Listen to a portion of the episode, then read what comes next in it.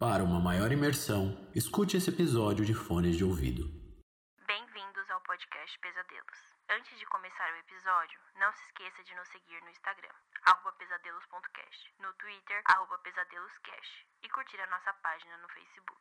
Caso queira contribuir para o crescimento do podcast, acesse apoia.c pesadelos. Aproveite o episódio e tenha bons pesadelos. Compre já sua camiseta na loja Dimensão Nerd. Usando o cupom Pesadelos você ganha 5% de desconto.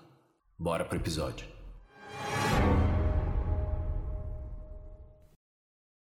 O Canto, por William Camargo.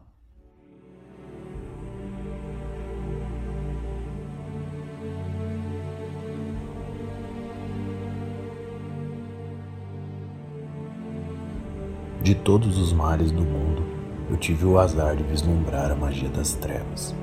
A magia que rega o mundo de maldade, que incita o caos, que roga pragas, que força o amor e que destrói a paz.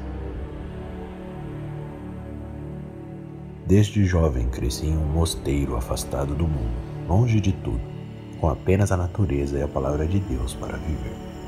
O mosteiro franciscano abrigava mais de cem jovens, dos quais muitos não possuíam suas famílias, seja pela Grande Guerra ou por abandono. O local havia sido construído no fim da Idade Média e ostentava estátuas de gárgulas e anjos por todo o pátio e torres, uma vista assustadora para qualquer jovem. Aos que estudam religião, ainda mais.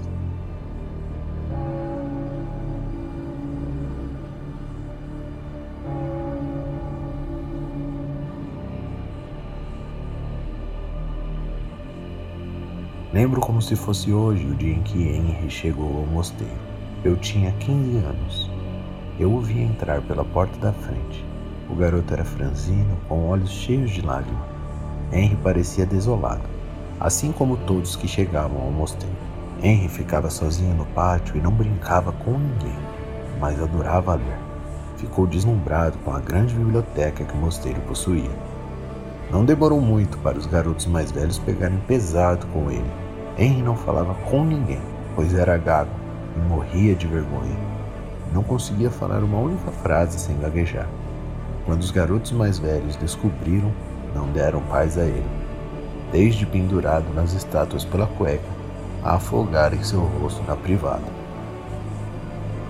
Foi quando fizemos amizade. Henry era um menino legal, porém teve a família destruída pela Grande Guerra. O pai e os dois irmãos mais velhos morreram na guerra. A mãe enlouqueceu e se matou.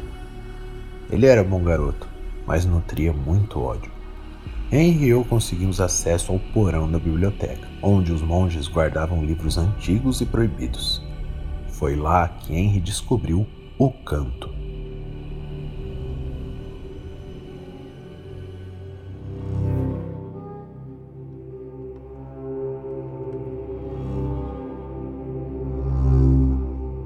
Tratava-se de um livro com alguns cantos específicos.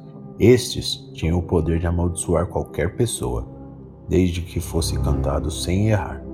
E o menino ficou bom naquilo. Eu jamais consegui fazer o mais básico, mas parecia que Henry nasceu para aquilo. E com o tempo, tudo saiu do controle. Todos os garotos que fizeram maldade com ele foram punidos. E no início eu achei engraçado. Os garotos tropeçavam e caíam em público, tinham diarreia no meio dos estudos entre outras pequenas bobeiras de criança.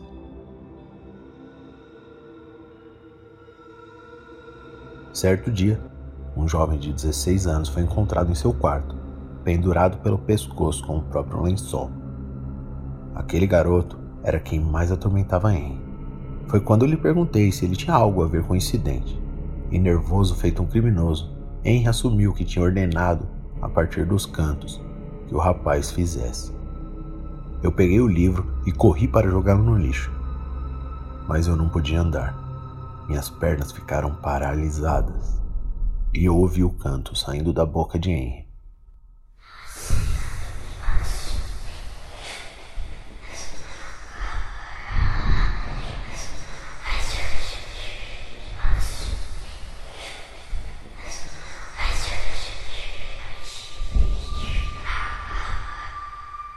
Senti meu corpo aquecer, meu coração acelerar.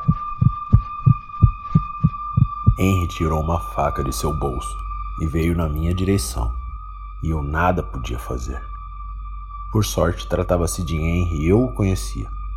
Por mais que fosse necessário, não me orgulho do que fiz. Henry mantinha o canto, sussurrando aquelas palavras amaldiçoadas para que eu não me movesse. Eu olhei dentro dos olhos dele e comecei a ofendê-lo. Disse sobre a loucura de sua mãe, sobre o fracasso da guerra do seu pai e irmãos. Sabia que aquilo deixava-o nervoso. Quando Henry ficava nervoso, ele gaguejava sem parar. Foi naquele instante que ele errou o canto e eu me libertei daquela maldição. Henry desmaiou na hora. Foi como se a magia tivesse cobrado o preço por ele ter errado. Depois daquilo, Henry ficou mudo e mais tarde enlouqueceu. Não me orgulho do que fiz, mas a necessidade cria monstros.